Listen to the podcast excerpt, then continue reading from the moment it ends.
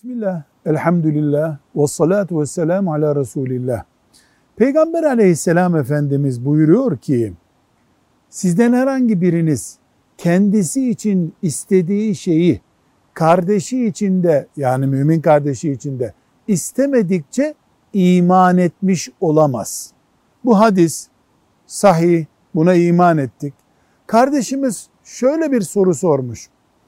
Ben benim için istediğim şeyi kardeşim için istemedikçe iman etmiş olamıyorum. Talebeyim, imtihana giriyorum ve sınıf birincisi olmak istiyorum.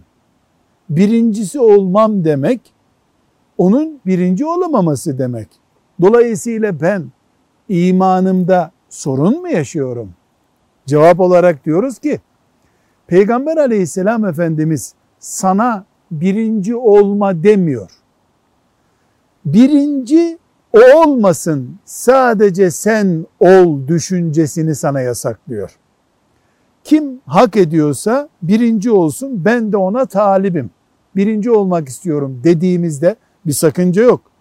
Benden başkasını birinciliğe layık görmediğim zaman mümin kardeşimi ezmiş oluyorum. Yasak olan da bu. Velhamdülillahi Rabbil Alemin.